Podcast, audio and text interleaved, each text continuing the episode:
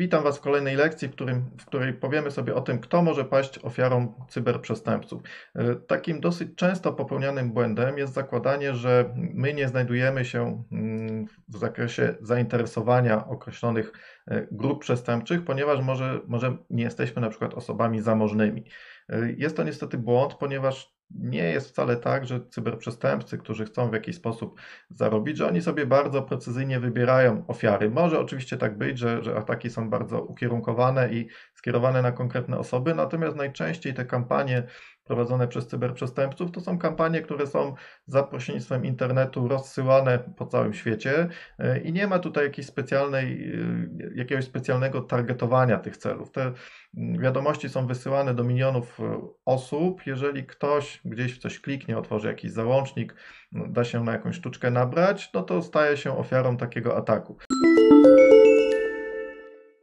I tutaj niezależnie od tego, czy mamy mm, jakieś e, kosztowności, jakieś duże oszczędności na koncie, które można by nam było okraść, przestępcy bardzo chętnie z takich możliwości e, naruszenia naszej prywatności korzystają, ponieważ nie tylko pieniądze są czymś, co stanowi dla nich, cenny łup, tak naprawdę da się spieniężyć też wiele innych mm, danych.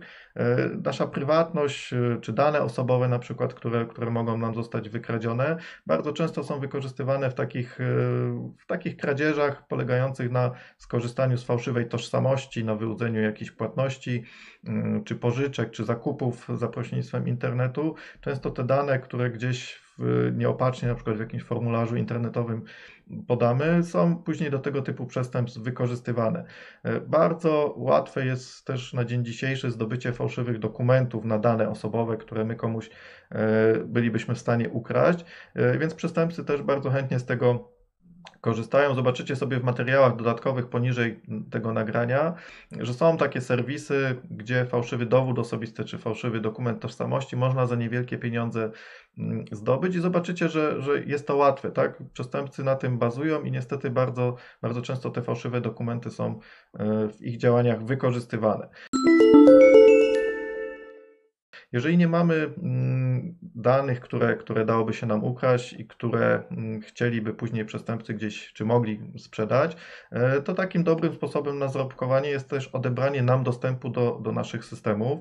E, kryptolokery, czyli wirusy takie, które szyfrują dane i uniemożliwiają później użytkownikowi dostęp do tych danych, e, też są taką formą zarobkowania stosowaną często przez cyberprzestępców. Jeżeli mamy dane na komputerze, Mogą to być nawet fotografie, tak, jakieś nasze zebrane latami, mm, których nie mieliśmy zabezpieczonych w inny sposób.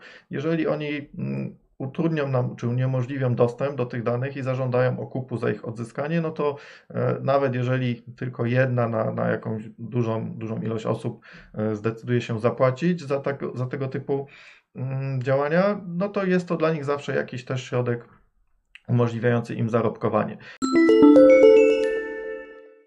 Więc widać, że te, mm, te, te, zagrożenia nie są zagrożeniami, które dotyczą tylko jakiejś jednej określonej wąskiej grupy osób, niezależnie czy jesteśmy osobami zamożnymi, czy nie, e, czy pracujemy na jakichś bardziej lub mniej eksponowanych stanowiskach, zawsze możemy stać się ofiarą cyberprzestępców. Dlatego tak istotne jest, żebyśmy zawsze przykładali wagę do tego bezpieczeństwa i to, o czym będziemy sobie w kolejnych lekcjach i tygodniach mówić, e, powinno nam to ułatwić. Powinno nam ułatwić zabezpieczenie się przed wszelkimi działaniami ze strony cyberprzestępców.